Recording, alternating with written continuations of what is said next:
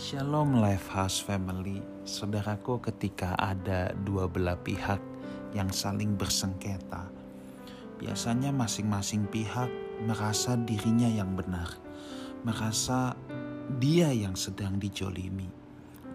Dalam hal ini Amsal 16 ayat yang kedua berkata demikian, segala jalan orang adalah bersih menurut pandangannya sendiri. Nah, jadi Alkitab memang sudah bilang, orang akan melihat apa yang sedang dia lakukan adalah benar. Apa yang sedang dia lakukan adalah bersih. Sebab memang jalan orang itu bersih menurut pandangannya sendiri. Nah, tetapi ayat itu tidak stop sampai di sini.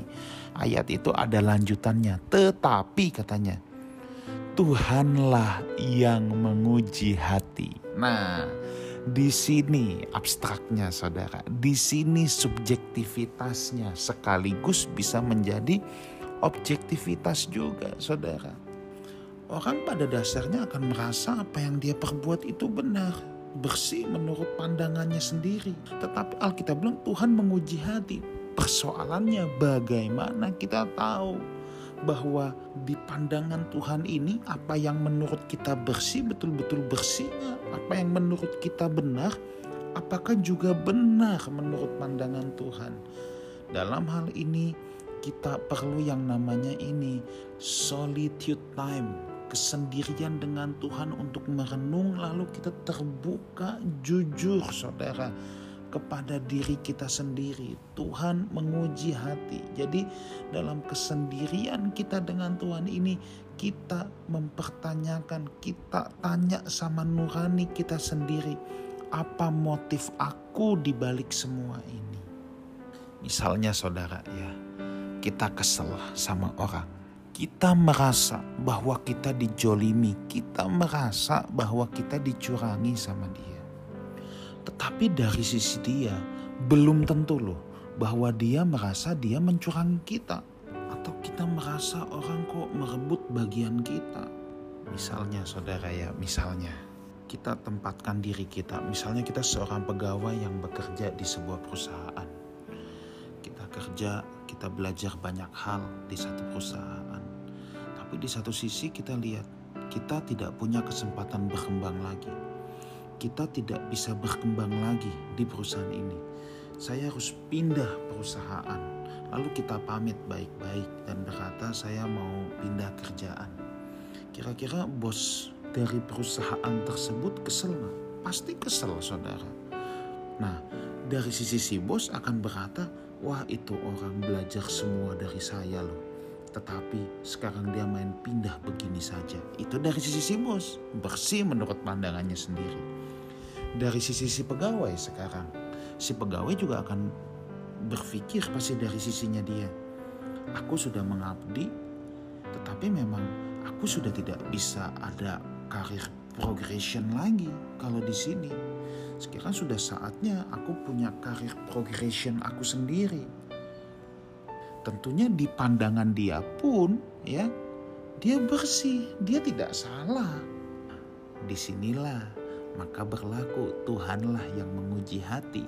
Baik si bos maupun si pegawai akan diuji hatinya oleh Tuhan saudara ya. Dari si bos mungkin ujian yang datang ketika Tuhan menguji hati dia bisa berdialog dengan nuraninya sendiri. Apa yang kurang yang aku perbuat? Is it fair untuk dia kalau dia harus tetap bersama saya, tetapi dalam posisi dia sudah mentok, saya juga sudah tidak bisa memberikan ruangan lagi untuk dia bisa bertumbuh. Itu adalah ujian nurani yang kemudian Tuhan akan menguji dari sisi si bos. Dari sisi si pegawai pun, Tuhan juga akan menguji hatinya. Apakah kamu sudah berbakti 100%? Apakah ketika kamu putuskan mau keluar ini, kamu melakukannya dengan baik-baik, dengan permisi, pada akhirnya di mana pun posisi kita, Tuhanlah yang menguji hati kita. Dan kasih pasti akan selalu mementingkan orang lain. Kasih tidak egois. Dan tidak ada seorang pun yang dapat mengambil sesuatu bagi dirinya kalau tidak dikaruniakan surga kepadanya. Pada akhirnya Tuhan yang akan menguji hati kita saudara ya pribadi lepas pribadi. Itu tadi baru satu contoh. Kalau kita dengan pasangan hidup kita gimana? Ketika kita argumen kita juga pasti merasa diri kita yang benar saudara ya. Tetapi Tuhanlah yang menguji hati. Kenapa aku harus marah? Kenapa aku harus emosi? Apakah untuk memuaskan dagingku? Apakah untuk melampiaskan amarahku? At the end Tuhan yang menguji hati Itulah sebabnya kita harus punya waktu membiarkan Tuhan menguji hati kita, membiarkan Tuhan berbicara banyak dalam hidup kita. Untuk menilik nurani kita yang paling dalam saudara ya. Di akhir kata kita memang akan selalu merasa bersih menurut pandangan kita sendiri. Tetapi ada hal yang sangat perlu. Kita harus membiarkan Tuhan membedah, mengoreksi, mengoperasi hati kita apakah kita betul-betul bersih atau tidak.